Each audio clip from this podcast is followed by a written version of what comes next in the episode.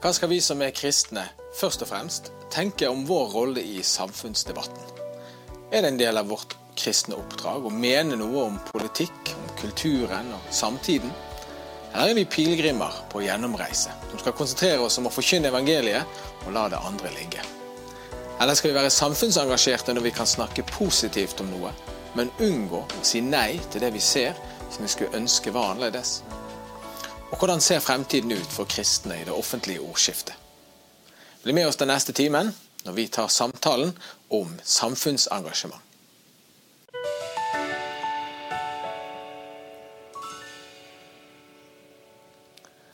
Ja, jeg har fått med meg eh, et spennende panel i dag, og vi begynner med førstemann. Steinar Lofnes, velkommen til oss. Takk.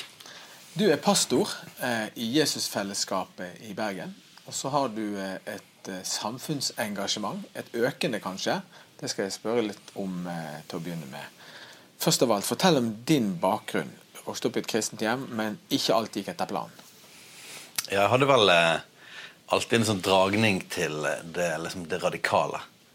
Så når jeg liksom kom i kontakt med liksom, venstreradikale strømninger her i byen, så liksom fenget det, det fenget meg. da.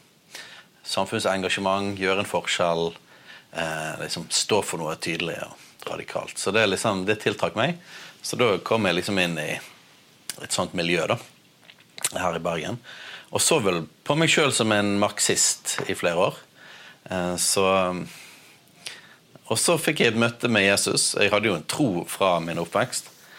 Men, eh, men etter hvert så så jeg det at, eh, at det gikk ikke an helt å forene hele min ideologi og de tingene jeg sto for, med min tro på Jesus. Så, så da ble det å følge Jesus gjorde òg noe med måten jeg så verden på. Og eh, de politiske meningene, faktisk. Ja, men før vi kommer til det. Du går inn i en menighet. eh, Det er en type menighet der man virkelig brenner. Opptatt av helbredelse, forkynne på gaten. Det er din historie. Mm. Så, så det var jo en Måten å forandre verden på tenkte jo det at det, det, det var liksom en brann som lå der hele tiden. Bare med å gjøre en forskjell. Så, men så så jeg i Bibelen en, på en, måte en, en annen vei enn å kun gå gjennom politikken. Så det er jo interessant i hele dette temaet. Eh, så for meg begynte det med et brennende engasjement for evangeliet og å utbre Guds rike. Og, og eh, dette med helbredelse og tegn og under, som er jo en veldig sentral del av, av evangeliet, av Nytestamentet. Så det var fokus lenge. Reiste rundt på skoler, jobbet i laget bl.a. Vi var mye, mye ute på gaten og sånn. Så Gud gjøre masse fantastisk.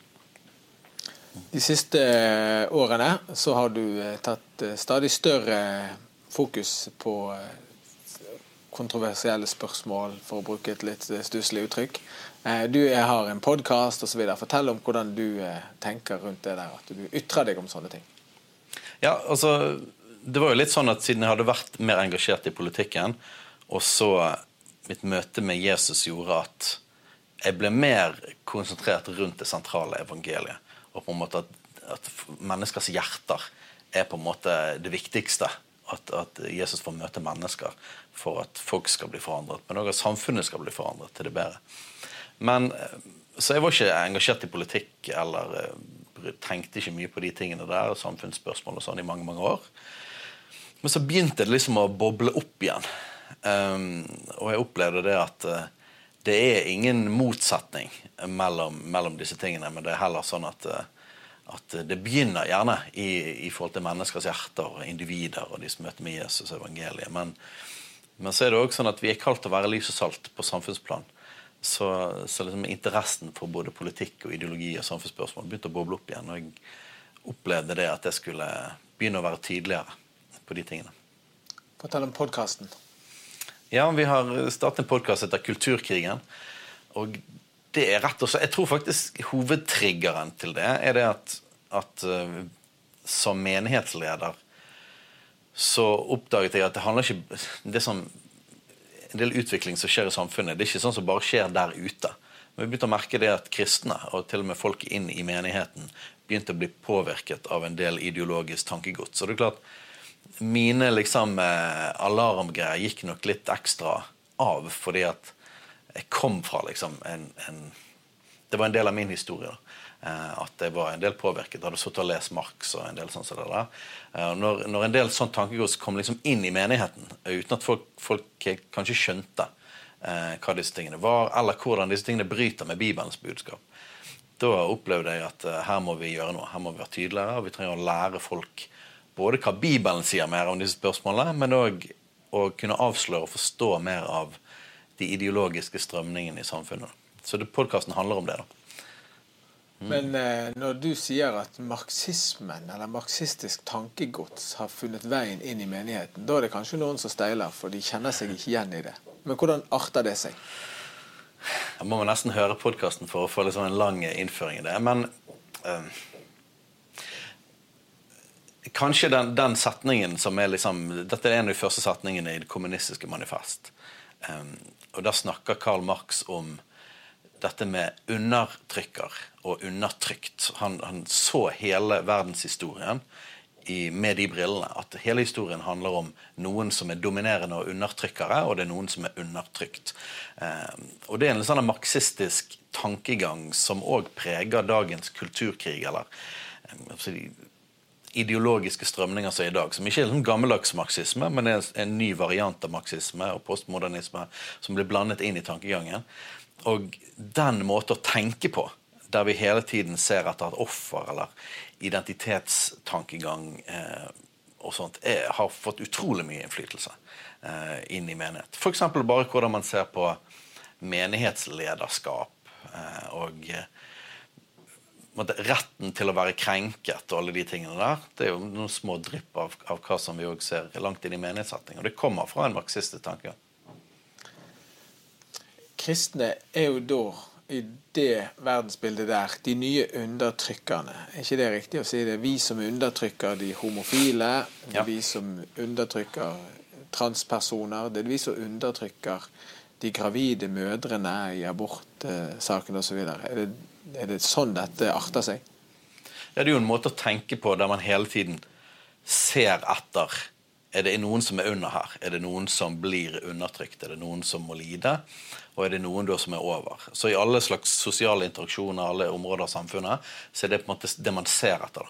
Og hvis du blir hvis du blir eh, får merkelappen på deg av å være en som er undertrykker, eller eh, noe som folk kjenner igjen fra vår kultur, f.eks. at du er en hvit mann over 50. Altså, det er jo et begrep i seg sjøl. Da er du liksom per definisjon privilegert.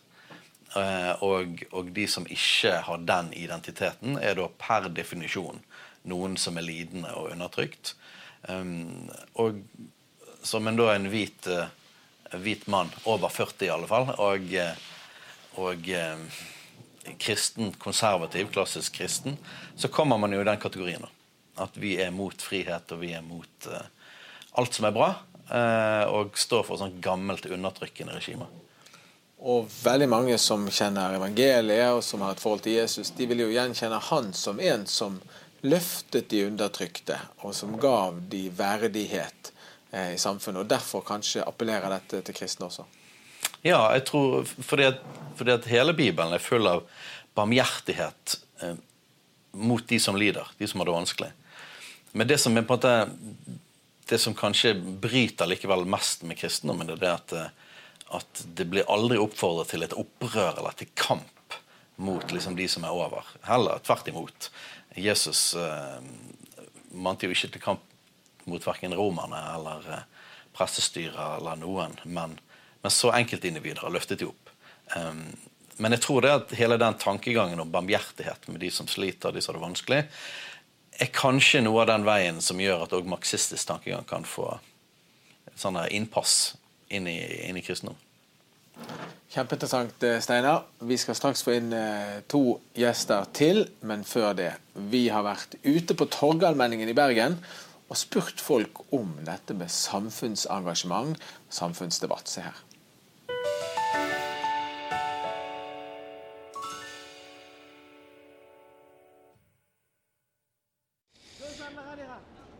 Um, jeg, tror, uh, jeg tror det bare handler om å bare følge med på det som er av informasjon vi kan få. Iallfall jeg tenker jeg liker NRK veldig godt, jeg. Bare når det kommer til uh, det mest generelle, og så heller bare sånn engasjere seg mer.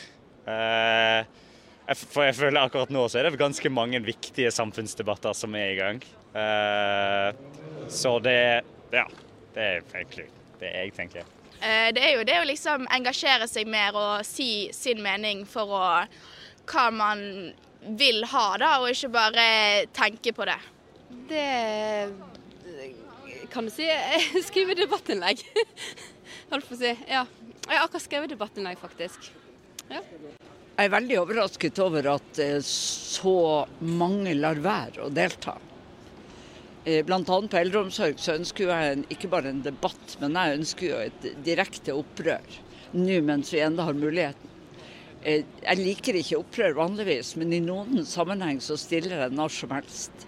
Så jeg skulle veldig gjerne se at mange engasjerer seg. Men jeg ser at det kommer seg, også på sosiale medier.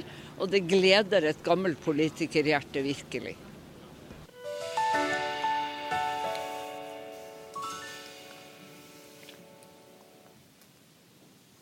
Ja, noen dro kanskje kjensel på den siste eh, av de vi traff på gaten. Det var ingen ringere enn tidligere bergensordfører Trude Drevland. Vi har stilt flere spørsmål til den samme gjengen, så du kommer til å få se eks-ordføreren igjen eh, mer i denne programserien. Jeg har fått med meg to fine gjester til. André Birkeland, velkommen til deg. Takk. Og Karianne Fedøy Magnussen, velkommen til deg. Ja, André, du er velkjent for våre seere med i teamet vårt her. Karianne, ikke alle kjenner deg. Du er ordførerkandidat for Bergen KrF denne høsten. Det stemmer. Mm. Men de som har fulgt med, de kjenner kanskje deg fra eh, koronatiden og når du var leder for eh, en helseinstitusjon. Fortell om det du egentlig jobber med. Ja, jeg er utdannet sykepleier eh, og jobber som institusjonsleder eller styrer for Metodisthjemmet Bergen. Eh, og Der har jeg vært i mange år og har jobbet i mange år i eldreomsorgen. og ja, har, eh, veldig, eh, har hatt veldig mye glede og kommer til å ha det fortsatt da, i eldreomsorgen. Brenner for den. Og så fikk du en henvendelse ja. om du eh, kunne tenke deg å stå på KrFs liste Ja. i Bergen. Hva tenkte du da? Altså, det var jo ikke en opplagt retning for meg å gå inn i politikken, egentlig. Jeg har hatt mange år der jeg eh, knapt åpnet en avis og ikke fulgte med på nyhetssendinger og når ungene var små. sant? Og så har jeg gjerne gjennom jobben og litt sånn utdanning de siste årene blitt mer og mer fått mer og mer innsikt i liksom, politikkutforming og, og, den del, og har blitt mer engasjert i, liksom, i, i politikken. Da. Sånn, eh, ja. Har alltid hatt uh, dette med altså, verdispørsmålene og vært med i verdidebatten, liksom. Men, uh, men denne der uh, avislesningen Så, det, så en del av, av, de som kjenner meg, syns jo det er litt sånn morsomt. Sant? Og, og, det forstår jeg at det er. Mm ved å ta det valget og gå mm. ut, ut, i en sånn rolle, og i et parti som KrF, som ofte kommer opp i verdikamper, mm. så eh, tar jo du en sjanse. Eh, mm. Opplever du det sånn? Ja, jeg opplever det på mange måter sånn. Samtidig så kjenner jeg at det er riktig. Eh, og jeg tror at jeg eh, klarer å stå støtt i det, og jeg føler meg trygg på, på de verdiene som jeg sjøl er forankret i. det. Eh, og finner liksom gjenklang med verdiene til KrF i meg sjøl. Så det føles litt sånn riktig. Men så er jeg klar over at, at det kan bli tøffe tak. Sant? Vi vet det har vi snakket om, og vi vet at det er en utfordring. Som når man stikker seg fram, så setter man seg litt sånn lagelig til for hogg, og det blåser ofte litt mye. Så har jeg stått i noen stormer sjøl. Som institusjonsleder under korona så var det et stort mediepress. Eh, og fikk kjenne litt på de omkostningene som det innebærer. Ja, jeg tror vi som fulgte med i Bergen eh, mener at du håndterte det til 20 i stil eh, som leder for, eh, for, den situasjonen der. Har du tenkt på at eh, en av omkostningene kan være at eh, karrieren din, altså du er relativt ung, kommet langt opp i helsevesenet allerede, at den kan bli rammet, og ditt mm. gode navn og rykte mm. Du kan få noen fiender som du kunne unngått mm. hvis du hadde valgt å la det være. Mm. Ja, det har jeg tenkt på. Mm. Hvorfor har du likevel valgt å gjøre det? Vet du hva, Jeg fikk et spørsmål fra en annen som lurte på om hun skulle gå inn i politikken. og Så lurte hun, spurte hun meg da av alle ting hva jeg tenkte om det. Så svarte jeg noe som jeg tenkte det skal jeg ta med sjøl og bruke som et råd. For Det gjelder i politikken som i livet ellers. Vær ærlig. Vær sann mot det du står for, og ikke vær redd for å legge deg flat og, og si at 'jeg vet ikke'. Så med, med det som inngangsport så går jeg inn i dette her. Eh, og viktigst av alt så tenker jeg det å, å være litt sånn sann mot det jeg står for, og tro mot det jeg eh, Ja. Ja. André, du er pastor i tillegg til en del andre ting. Det samme du, Steinar. Eh, jeg spør deg først, Steinar. I valget for to og et halvt år siden, tre år siden Nei, ett og et halvt år siden, unnskyld, eh, i stortingsvalget, så gikk du ut som pastor og ga et veldig tydelig råd om at du mente folk burde stemme på KrF. Hvorfor ville du gjøre det fra din rolle? Ja, det har jo vært et sånn der, nesten sånn tabu, eller et, sånn uuttalt regel på at menighetsledere ikke skal uttale seg veldig tydelig i partipolitikk, eller iallfall partitilhør, eller at dette må du stemme. Um, og, og, jeg er på en måte ikke imot det, det som en sånn grei grunnregel. Um, så det hadde jo litt med, med situasjonen i valget å gjøre. Uh, og, uh, så for meg handlet det veldig mye om hva partiene på venstresiden hadde lovet at de ville gjøre hvis de vant valget. Uh, og da mente jeg at det er så viktig i samfunnet vårt å prøve å hindre det. at å stemme KrF var viktig. da. Eh, og at KrF kom over sperregrensen, og at de klarte å vippe, som de har gjort før, eh, valget til andre veien. Og da tenkte jeg at det er viktigere enn på en måte den litt sånn uskrevne regelen om at vi ikke skal snakke om partier. Så, og så er det jo det med at, at, at det er klart det at å være pastor og uttale seg veldig kraftig om bompenger og, og fylkessammenslåing og sånne ting det er på en måte Bibelen sier veldig lite om de tingene. Men, men, så er det visse ting som går så tydelig inn i vår etikk um, at eh, det er ikke lenger bare et politisk spørsmål eller et, et sånn småsaksspørsmål, men det går uh, mye tettere til hele vår tro. Og Da handler det om å være en stemme i samfunnet, og det handler om det om å være en kristen leder. Så trenger vi å være med og lede og vise vei for, for de folkene man leder. Eh, og Derfor syns jeg at det var viktig å være tydelig. André, du eh, har ikke gitt et sånt råd, som jeg har fått med meg i hvert fall. Eh, du har eh, antagelig kommet til motsatt konklusjon, at du ikke vil drive så mye med politikk fra din plattform. Eh, hva tenker du når du hører det Steinar sier? For det første så er Steinar tøff i mange av tingene han, eh, han gjør og, og, går fram med og er tydelig med. Um, det, det, det, er gøy at det, liksom, det har ligget som en sånn slags sånn der, enighet blant andre kristelige. Det skal ikke snakke om. Og så er det ingen som kanskje har liksom tatt litt sånn oppgjør med det, eller spurt liksom, når kan vi unngå å, å, eller gå rundt det, eller eh, se at det er viktig nok å, å, å si noe. Det er jo denne pastor for en menighet samtidig som man er tydelig på ting som det kan være uenighet om både i menighet eller blant kristne. Det er jo denne ønsket om, om, om enhet i menighet og ro i menighet som noen ganger tror jeg gjør at jeg blir litt sånn seid med å ytre eh, i møte med noen tematikker. Eh, og, og, det, Jeg pleier å si jeg er ikke konfliktsky, men jeg er veldig glad i god stemning. Eh, og, og, det gjør jo at man noen ganger tenker at ok, kan det være vi kan heller snakke om noen verdier eller noen andre ting utenom enn å bli så konkret. har vært en sånn ting jeg jeg har hørt pastorer si sånn Se disse gule lampene rundt omkring oss. Dere vet det er valg snart. Så sier man indirekte da òg at det er hva man skal, skal stemme. Eh, men at kanskje man kan snakke litt mer om litt det verdiene du legger til grunn for hvorfor du gjorde det. Sant? I forhold til det å være eh, en stemme i samfunnet, i forhold til det å stå på Bibelen som grunnlag. Og det kunne jeg ønske at jeg kanskje var litt tøffere på av og til. da. Eller finner en vei på eh, i forhold til akkurat dette. da. Mm. For du tenker at eh, hvis du eh, fremstår polariserende eller tar stilling til noe som du vet folk i menigheten er uenige om, så kan det gå utover det du ønsker å oppnå som pastor i menigheten. Er det riktig? Ja, eh, og jeg er ikke helt sikker på om det hadde gjort det eller ikke. Eh, og Det er jo det som er sånn spennende med, med tematikken. Jeg, da, fordi at um, er det sånn at eh, man blir, det blir polariserende, eller hjelper lederen til å løfte opp en tematikk man burde snakke om og, og, og få fram? Um, så, og så har man bare én stemme, på en måte, så man må kanskje av og til velge hva man bruker den til. og, og sånne ting, og Det merker jeg òg litt. At, at forkynnerstolen er en annen plass igjen, og så har du sosiale medier og din egen konto der, og så er det forskjellige ting der. og jeg pleier å si at jeg er usikker på om det er lengsel etter bare å være pilegrim, sånn som du sier i starten av, av, greiene, eller om det er en eller annen form for å liksom bare ønske å lukke øynene og håpe at dette her går over.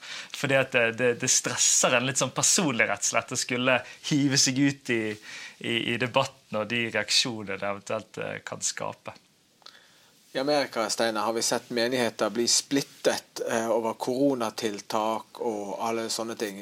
Eh, er du redd for at eh, når du eh, markerer deg i kontroversielle spørsmål, at det kan virke splittende eller frastøtende? Folk som ikke vil komme til din menighet fordi at du har sagt noe de ikke liker? Det kan jo godt være. Men, men altså, nå tror jeg ikke det at amerikanske tilstander er liksom mitt drømmescenario eh, det. Altså, det fins grenser for hva du bør, bør være tydelig om. Det er ikke sånn at vi har lange taleserier om politiske partier. Og, eh, så det er spesifikke situasjoner, og man må veie det. Og jeg, jeg, jeg tar det seriøst. da. Så, så, jeg tror ikke vi liksom er i sånn hver vår ende på de tingene der. Men, men eh, det må handle om ting som er sentralt i den kristne troen. Altså det, det tenker jeg, det, det, er viktig, og det kan vi være tydelige på. Eh, tenker, I akkurat det tilfellet så snakket jeg om partier, men, men, eh, men mest av alt så tenker jeg det å snakke om verdiene og ting som på en måte kommer opp i samfunnet, ting som gjør press i kulturen. Det må vi snakke om. Det handler om disippelgjøring. Altså det, det, det, går rett innenfor en kristens leders ansvar. Eh, men sant, koronatiltak er jo eh, teologisk sett et mye mer eh, mellomspørsmål. Sant? Du kan jo snakke, jeg, jeg, sa tydelige ting om det men, det, men det var jo Hvis noen har lyst til å finne det opp og lese det igjen, så er det jo, er det jo moderert. Jeg stilte heller spørsmål. Eh, og at vi må snakke om dette, og vi må ha debatt om dette. Men klart å splitte menigheter over koronatiltaksspørsmål eh, Da vil jeg si at man har beveget seg vekk fra kjernen. Så så det, der er en sånn balansegang. Ja, Det skal ikke være enkelt. Karianne, du har gått i menighet i hele ditt liv. Mm. Eh, har du opplevd at det har vært eh, tema? At eh, menighetsledere og pastorer har ment noe? Har det vært sånn implisitt KrF-stemning, men ingen ville snakke om det? Hva er din ja, erfaring? Kan, kanskje litt det siste. Sant? At det har vært en litt sånn implisitt sak. Men, men, jeg tenker litt på det at, at at vi er så ulikt utrustet. Sant? Og vi er så ulikt laget. Og fra et kristent perspektiv, eller fra et bibelsk perspektiv, da, så snakker jo Bibelen både liksom om Jesus som hyrde, sant? som er den liksom, pastorale rollen, sant? men også om Jesus som konge.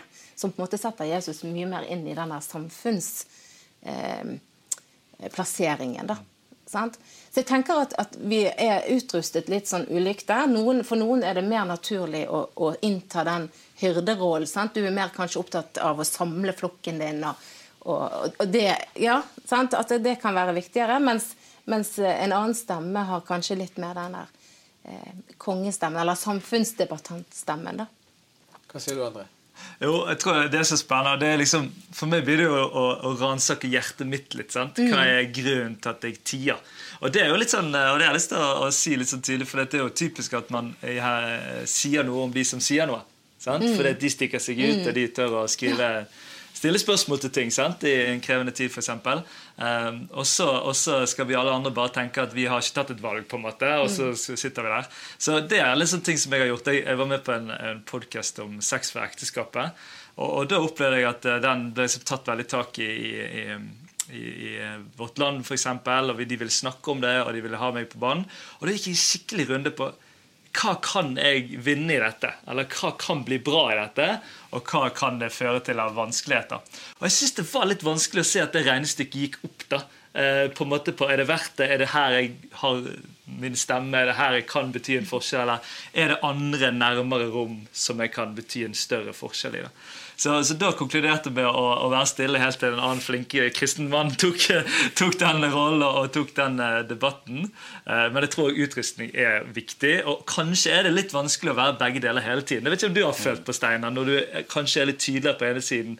Hvordan er det da å operere i liksom helheten av kristent lederskap? Det jeg er spennende. Ja. Nei, Jeg syns ikke, ikke det er så vanskelig lokalt i menigheten, for da kjenner man folk, og man, og man kan gå nær. Um, og det er jo fryktelig annerledes enn ting man leser på sosiale medier. og sånt? Um, men så på en måte så tror jeg at, at det går fint an å, å ha en brei rolle i det. Men samtidig tenker jeg at vi snakker om dette stadig vekk. Spesielt når jeg eh, opplever at jeg skal trykke litt på da, offentlig, så snakker vi om det i vårt lederteam. For de fleste hos oss er ikke sånn. Eh, og, og spesielt eh, en av lederne snakker stadig med han med sånn her Ja, men jeg tror ikke jeg skal liksom jeg tror ikke, For han, han tenker kanskje at fordi jeg gjør det, så, må, så sier jeg hver eneste gang Men du, du skal ikke gjøre det. Det er ikke det du skal gjøre.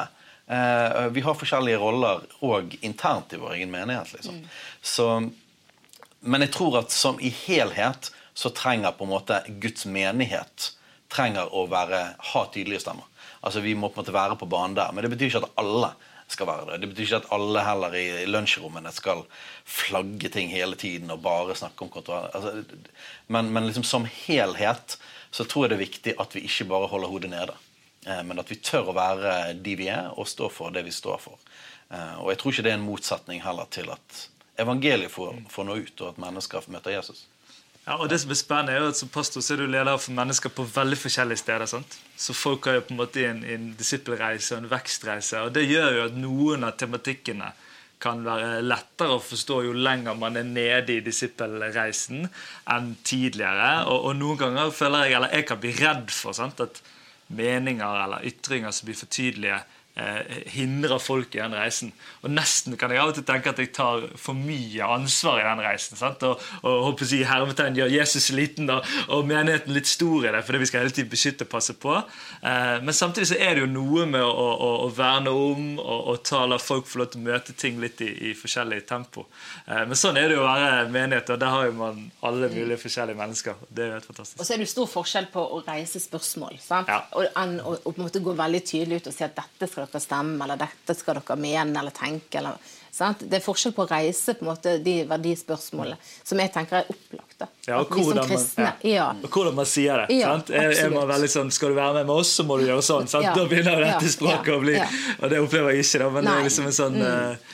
Det er en sånn balanse der. da Hvordan blir du hørt? Jeg synes det er så vanskelig. Hva hører de når jeg sier det? Du har ikke kontroll på den siden av, av, eh, av eh, regnestykket. Ja, og Der er vi kanskje inne på noe som vi kristne i navigeringen mellom dette om vi skal mene noe og være tydelige eller ikke, trenger å være veldig opptatt av hvordan vi kommuniserer eh, utad. Og det høres veldig kjedelig ut, men, men, men i Bibelen så står det 'La deres tale alltid være vennlig, men krydret med salt, så dere vet hva dere skal svare enhver'.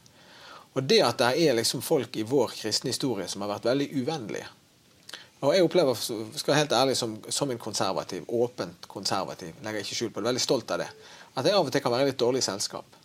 At det er andre som deler mine synspunkter, men jeg syns de presenterer dem på en veldig uheldig måte.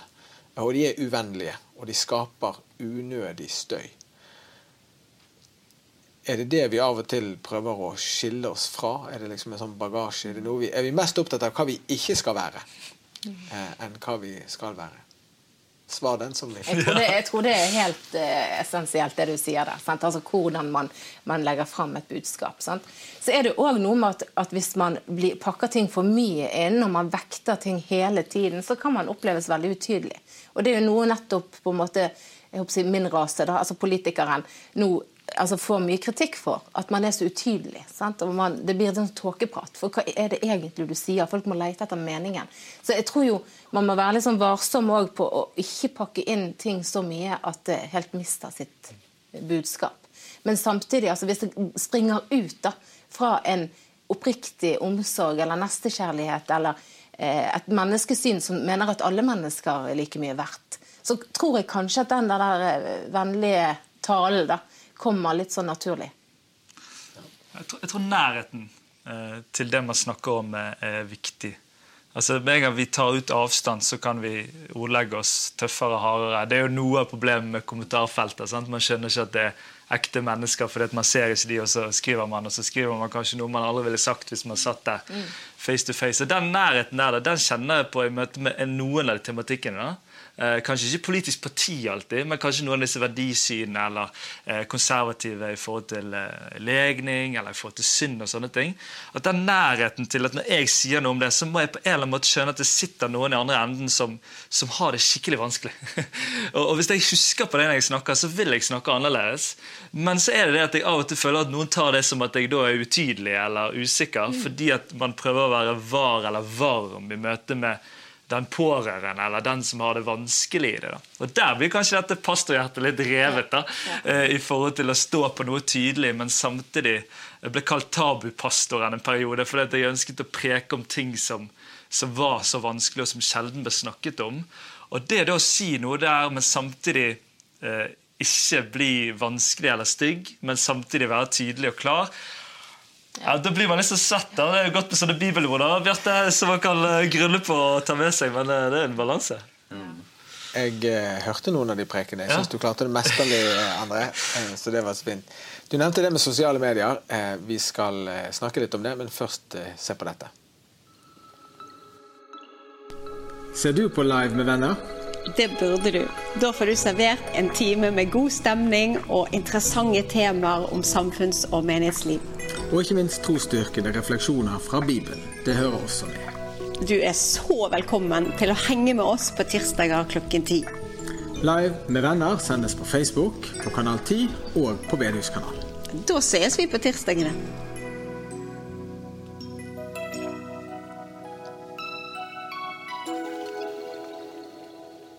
Ja, det er live med venner på tirsdag, altså. Håper vi ses der. Eh, vi snakket så vidt om sosiale medier før vi fikk dette glimtet. Steinar, du er ikke så veldig opptatt av sosiale medier, men eh, du bruker de likevel. Eh, nå sitter vi og snakker litt som, som halvprofesjonelle typer her. Eh, dere som pastorer og du som politiker. Men for vanlige folk så handler jo det veldig mye om sosiale medier. Det er gjerne deres arena eh, for å ytre seg. Når du har vært ute og markert deg både med podkasten din og med politikk, og sånne ting, da har du brukt sosiale medier. Eh, hva refleksjon har du gjort rundt det som en arena?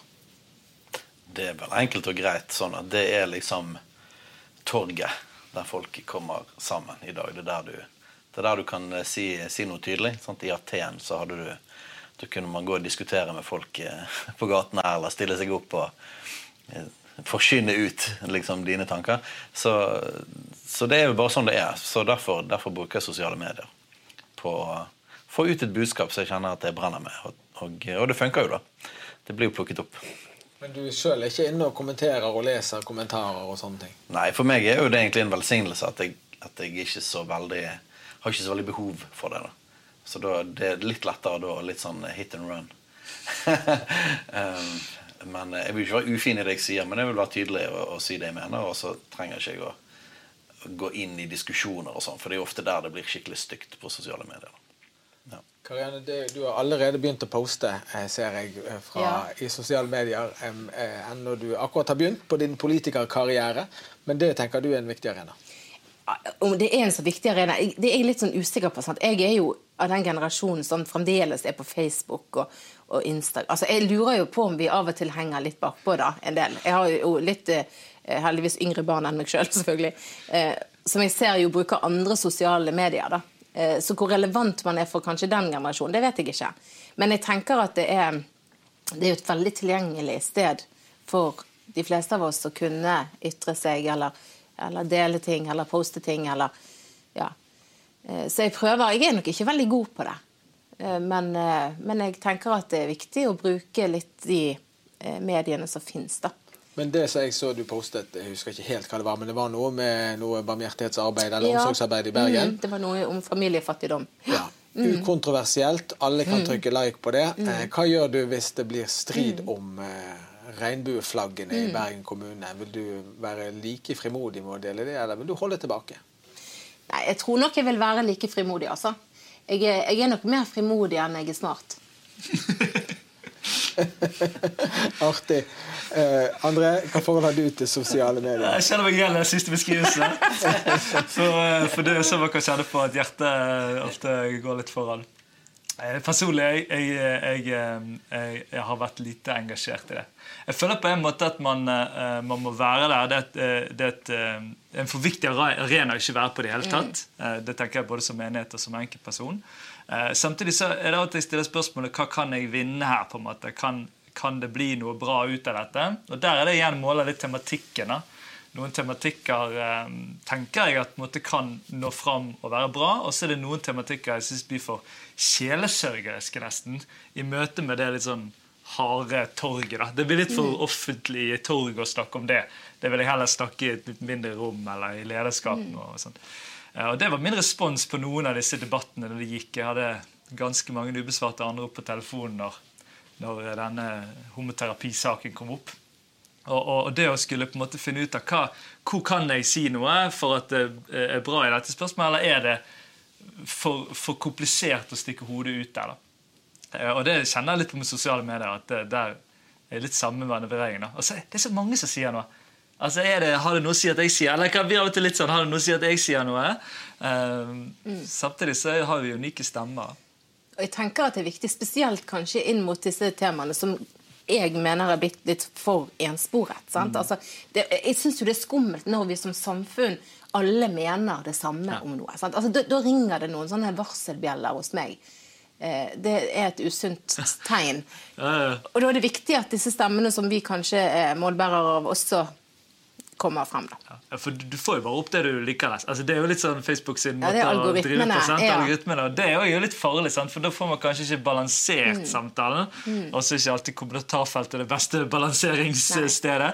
Så det hadde vært litt spennende. da. Jeg ser den der gruppen min kone sin eh, feed, at hun har ikke så mange sånne kattevideoer for eksempel, som jeg har i min feed. For jeg syns det er veldig morsomt. Altså, det, det, det, det er forskjellig, da. Ja. Og det er jo litt sånn det kan være en svakhet tenker jeg, i samtalen eller i, Mm. i den offentlige praten. da. Ja, Man bør i hvert fall ikke bare være på sosiale medier. Må treffe folk òg. Ja, det, det, det er veldig, Veldig lurt. Mitt forhold til sosiale medier det er det at jeg, jeg er veldig eh, relativt mye inne på Facebook. Og det synes jeg er kjempegøy å holde kontakt med gamle klassekamerater og gamle fotballkamerater. og eh, Jeg har bodd flere steder i verden og syns det der er så kjekt. Og så er jeg eh, veldig mye ute og mener ting om ting som er kontroversielle. Det er jobben min, og det trives jeg med. Jeg blir glad av å bli invitert i debatter om kontroversielle ting som folk andre vil kvie seg for.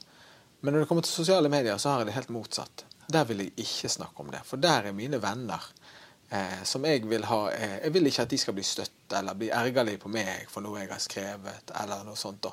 Så jeg har denne dobbeltheten. Er det noen som kjenner seg igjen i det? Vi har vel et motsatt forhold til sosiale medier. Ja, kanskje det. Mine venner de liker jeg best eh, face to face. Og så ser jeg det mer som en plattform for å si noe om det jeg tror på. Så der, der bruker vi nok sosiale medier forskjellig òg. Og så har det vel kanskje, det var jo en liten sånn eh, gyllen tid helt i starten der det var kanskje reelt sosialt. Men det er klart det at eh, det er jo ikke så mange som har mange tusen venner personlig. Eh, Så, så det er liksom så, så jeg ser det mer som et, et torg mer enn et egentlig et sosialt sted. da. Eh, Og så er det kanskje ikke stedet som du var inne på, André, med, det, er ikke, det er ikke stedet for en moderat debatt heller. Um, jeg, tror, jeg tror kanskje hvis det man holder på med, er å bare være på sosiale medier, så ser jeg det som lite nyttig. Men hvis man har en plattform fra før av, eh, og, og som for meg, da, som på en måte driver med forskjellige ting, og eh, meningsleder og sånn, så er det Da kan du snakke ut ifra den rollen på en annen måte. Um, og, og da bør jo måte, integriteten og, og den du er, bør på en måte komme fra et annet sted enn bare den du er på sosiale medier, eller det du, det du sier. Um, men samtidig så er jo at det jo, det er jo veldig lengsel hos en del kristne i Norge at kristne ledere er tydelig ute. Eh, ikke usaklig, men, men er klar likevel. Så det er kanskje mange som sier noe, men, men eh, min opplevelse er at det er mange som støyer, men kanskje at det er færre kristne ledere som er ute. Eh, Så det har litt med den rollen man har i forhold til at man òg er tydelig. Jeg syns å se det at det er veldig store generasjonsforskjeller her også. Eh, jeg ser en del voksne folk, hvis jeg kan være så uærbødig, som jeg opplever de, de forstår ikke effekten av hvordan de ytrer seg på sosiale medier. De skriver ting som jeg tenker at det der hadde du aldri sagt hvis vedkommende satt rett foran deg. Litt sånn som du snakket om i sted. Og så er vi vår generasjon, vi pluss minus 40. Så kommer det noen som er 15-20 år yngre enn oss, og som har et annet forhold til sosiale medier. Eh, hva sier du, André, om eh, det hele det der universet? Er det, eh, det er mange feller å gå i. Man får jo lyst til å bli munk, da. En eller annen mm. uh, Trekke seg tilbake, trekke liksom. seg tilbake og, og, og, melde seg ut. Da. Mm. Og det er alltid min sånn første liksom, møte med noe som jeg føler blir for uoversiktlig. da. Jeg får ikke, får ikke det til å, å finner ikke vei. Uh, og det, det, tror ikke jeg er løsningen. Det er litt den der i verden, av verden-greien. Vi, vi, er kalt til å være i verden, og da, dette er en del av verden nå, og mine barn kommer til å vokse inn i at jeg må forholde meg til det. Uh, samtidig så ser jeg jo mer dette vokser fram, så er det jo den grunnleggende lengselen etter ekte relasjoner. Uh, det ser vi i menighet. Vi har opplevd det etter korona. egentlig en, en vekst i menighet etter at folk skjønte at dette gikk vi glipp av. Dette, treng, dette vil vi ha. Eh, det ekte og det, det nære. Eh, smågruppen. Mm. Så, så, så, på en måte så håper jeg kanskje at dette universet kan være med og skape en eller annen form for motreaksjon noen ganger. Eh, at vi, vi, skjønner at det er jo ikke dette vi er laget for, på en måte, med disse korte replikkene fram og tilbake, eller eh, å sitte og se på noen videoer som, som ruller og går, men at eh, vi er laget for noe mer. Og så er det jeg må jobbe litt med å ikke bli han eh, radikale som kaster smarttelefonen i sjøen, men som finner ut hvordan smarttelefonen kan være en velsignelse.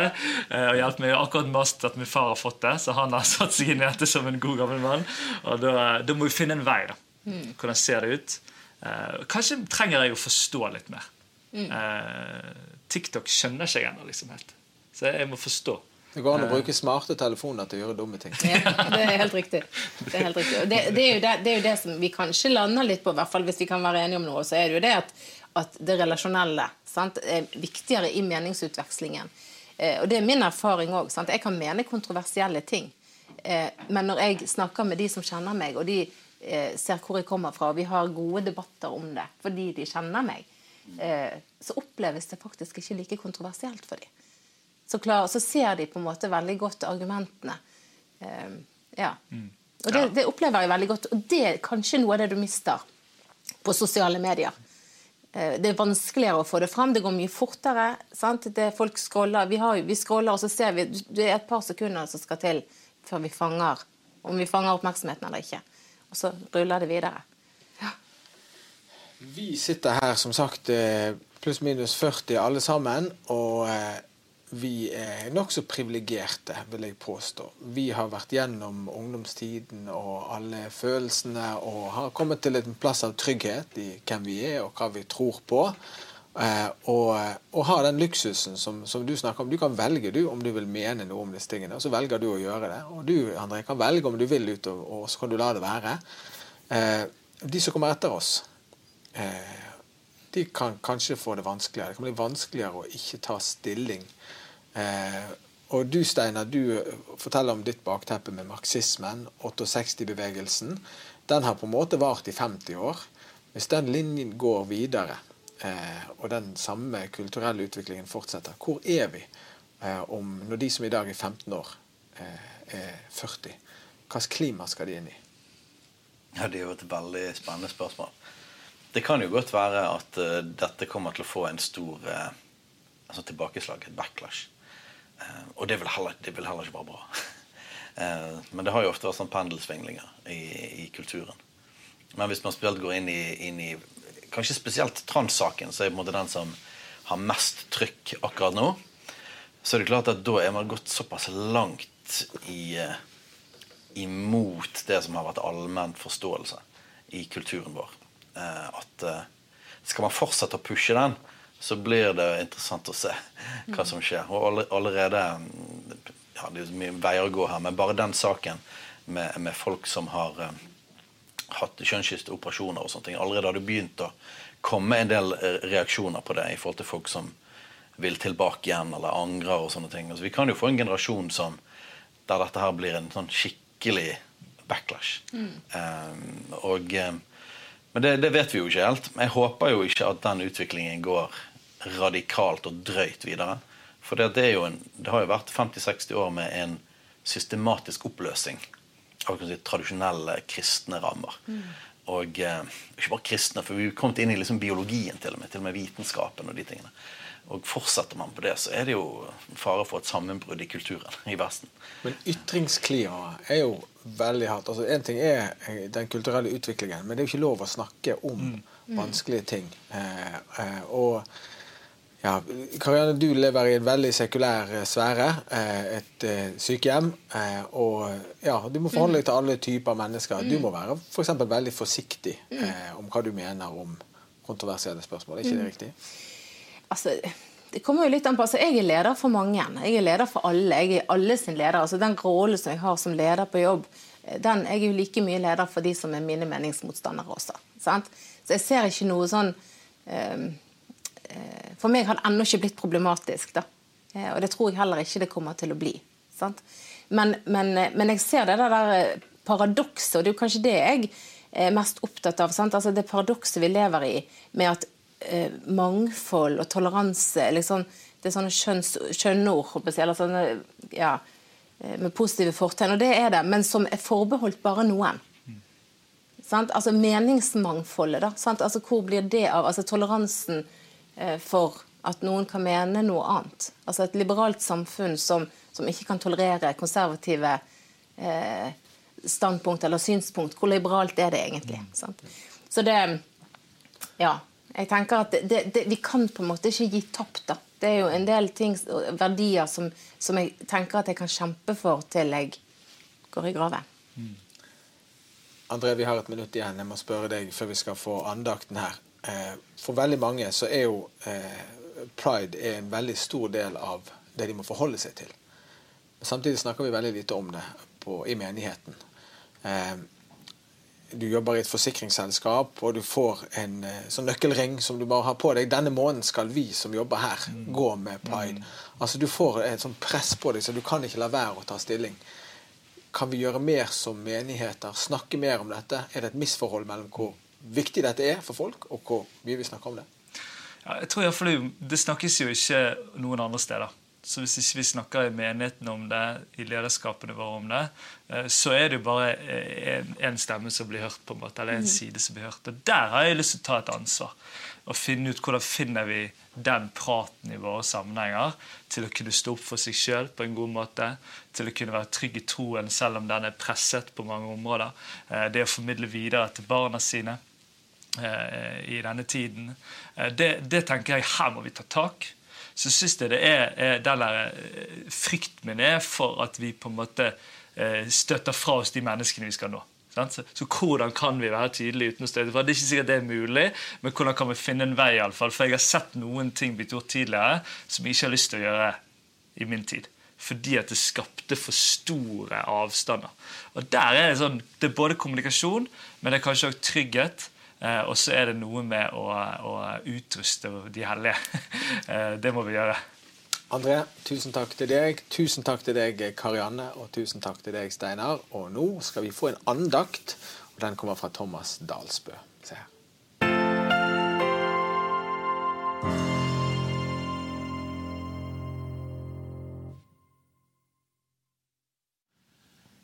Som eh, pastorsønn og selvfølgelig et godt kristent barn som kommer fra et eh, møblert kristent hjem, så var noe av det første jeg lærte utenat Fader vår. Jeg kunne faktisk si den så raskt at uh, vennene mine sleit med å henge med, og jeg gikk jo som stolt førsteklassing rundt og hjalp de andre når vi skulle lære det i klassen. Men hadde du spurt meg om å si noe dypere om innholdet, så hadde nok blitt svar skyldig. Og jeg vil ta det med til uh, de her to setningene i Fader vår, som du sikkert kjenner veldig godt. Uh, som er 'La ditt rike komme, la din vilje skje på jorden så som i himmelen'. Setning tre og setning fire. Uh, og Hvis du hadde spurt meg når jeg var ung der, hva det betyr, så har jeg kanskje sagt noe som at det er at Gud skal bestemme. Men når jeg har tenkt på det litt i dag, så vil jeg si det på en annen måte. Og det er at Gud har en drøm. Og han har en drøm som han vil at jeg og du skal være med å oppfylle. En drøm om at Hans vilje må få skje i oss, iblant oss, at Hans rike må få rom i oss og iblant oss. Men så er spørsmålet hvordan skal vi forstå det her, og hvordan skal det skje? Og Den ene måten å forstå denne drømmen til Gud på, er det vi kan kalle den personlige eller åndelige dimensjonen. Den enkelte sin relasjon til Gud. At hans kjærlighet og at hans kraft må få bo i oss og forvandle oss på innsiden. Eller sånn som Jesus så fint sammenfatter, at vi må bli født på ny. Utrolig viktig, fabelaktig og helt sentralt. Og litt enkelt sagt så handler det om hva er det som er det gode liv. Ikke på en sånn overfladisk måte, men på en dypt åndelig måte. Og Det er en av Guds drømmer at vi skal få erfare det gode liv. Men også en annen dimensjon til de her setningene i Fader vår som preger hva som er Guds drøm. Og Det er det vi kan kalle den kollektive eller samfunnsmessige, eller skal vi driste oss til å si den politiske dimensjonen. Og Det er her jeg vil at du skal rette blikket akkurat nå. Det er ikke for å snakke ned den første såkalte personlige dimensjonen. Den er utrolig viktig. Men hvis vi skal ha et helhetlig bilde av Guds drøm, så må vi ha begge deler. For Gud drømmer ikke bare om at jeg og du skal få erfare det gode liv, men han drømmer også om det gode samfunn. Og Hvis det gode liv kan sammenfattes i dette ordet å bli født på ny, så kan det gode, nei, det gode samfunn sammenfattes i ordet rettferdighet. Gud drømmer om at rettferdighet skal råde på jorden. Det kan høres svært ut, og det er det, men når vi først ser det i Bibelen, i Jesu liv og lære, så går det som en rød tråd gjennom alt. Og for eksempel, Profeten Jesaja vi skal lese derfra nå, han utfordrer i sin samtid en hul åndelighet og en hyklersk religiøs praksis når han sier det her om hva som er sann faste. Vi leser Er dette den fasen jeg har valgt? En dag da mennesker plager seg selv, bøyer hodet som et siv og legger seg i sekk og aske. Kaller du dette for faste og en dag for Herrens vilje? Nei, dette er fasen jeg har valgt. Å løse urettferdige lenker, sprenge båndene i åket, sette undertrykte fri og bryte hvert åk i stykker. Å dele ditt brød med sultne og la hjelpeløse og hjemløse komme i hus. Du skal se til den nakne og kle ham. Du skal ikke snu ryggen til dine egne. Og Spesielt profetene i Det gamle testamentet en krystallklar stemme på dette feltet. De taler for de undertrykte og taler makten midt imot når de står for urettferdighet. Jesus peker også i samme retning, enten når han oppsummerer sin egen tjeneste om å forkynne for de fattige og sette undertrykte fri og rope ut et nådens år fra Herren, eller det gjennom når han sier at når vi tjener en av de her mine minste, så tjener vi Han. Og derfor Gud drømmer om rettferdighet på jorden. Også om rettferdighet i vårt samfunn, i det norske samfunn. Om rettferdighet i våre nabolag våre lokalsamfunn. Fordi den som kjemper mot urettferdighet og lindrer og fjerner menneskelig lidelse, tjener Gud. Fordi Gud bryr seg om skaperverket sitt. Men vår kontekst er selvfølgelig ulik både Jesus og Jesaja sin. Så hva betyr det her for oss i Norge i 2023? Jeg har noen ideer på langt nær en utfyllende liste, men det kan bety å engasjere seg politisk. Å være med å kjempe for å forandre det som måtte være av systemisk urettferdighet. Det kan være å gå på fengselsbesøk for å se dem som samfunnet har glemt. Det kan være å engasjere seg i frivillig arbeid. Det kan være å være obs på barn i nabolaget som ikke har det så bra. Det kan være å starte en bedrift, gi vekst og gi arbeidsplasser. Det kan være, kjempe, være, med å kjempe for at vi som samfunn tar vare på Guds gode skaperverk, altså naturen. Det kan være å la din stemme bli hørt overfor styresmakta når du ser urettferdighet. Eller det kan være å utvikle et produkt eller en tjeneste som bidrar til menneskelig eller samfunnsmessig blomstring. Listen kunne selvfølgelig vært mye lenger, og du vet hva Gud har lagt på ditt hjerte. Gjør det som du kjenner dragning til, det som du drømmer om. Men husk også å koble din drøm opp mot Guds drøm. At rett og rettferd får prege våre liv, våre samfunn. At vi fokuserer, at vi får leve det gode liv i Gud. men at vi samtidig også arbeider for det gode samfunn.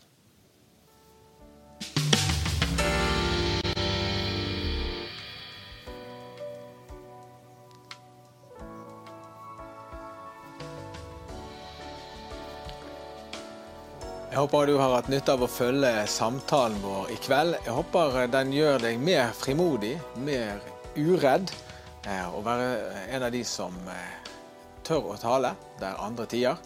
Eh, den danske presten, dikteren og motstandsmannen Kai Munch, han ble drept av nazistene under andre verdenskrig, han sa det at spør aldri, aldri om det nytter. Spør bare om det er sant. Det er en utfordring til oss å snakke sant om det vi ser i samfunnet vårt. Og så er vi opptatt av kristne verdier. Her skal du få noen kristne verdier å tenke på også, som handler om Kristi sinnelag.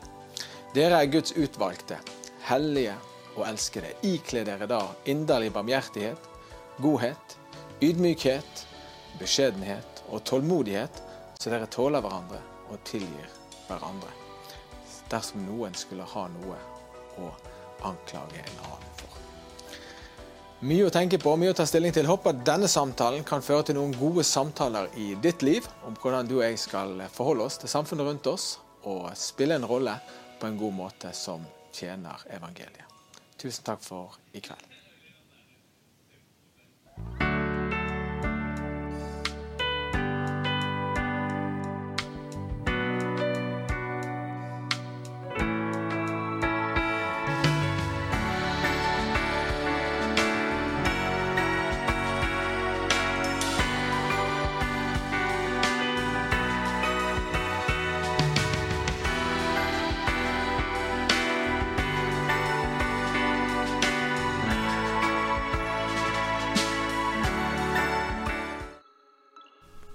Hver uke gir vi ut et nyhetsbrev fra Kristen Media Norge. Det kan du få tilsendt på e-post helt gratis. Da kan du få vite hvem som er gjester før noen andre. Der får du se videoer, kommentarer, andakter og annet innhold fra oss. Gå inn på nettsiden kristenmedia.no og registrer deg, så får du nyhetsbrev fra oss hver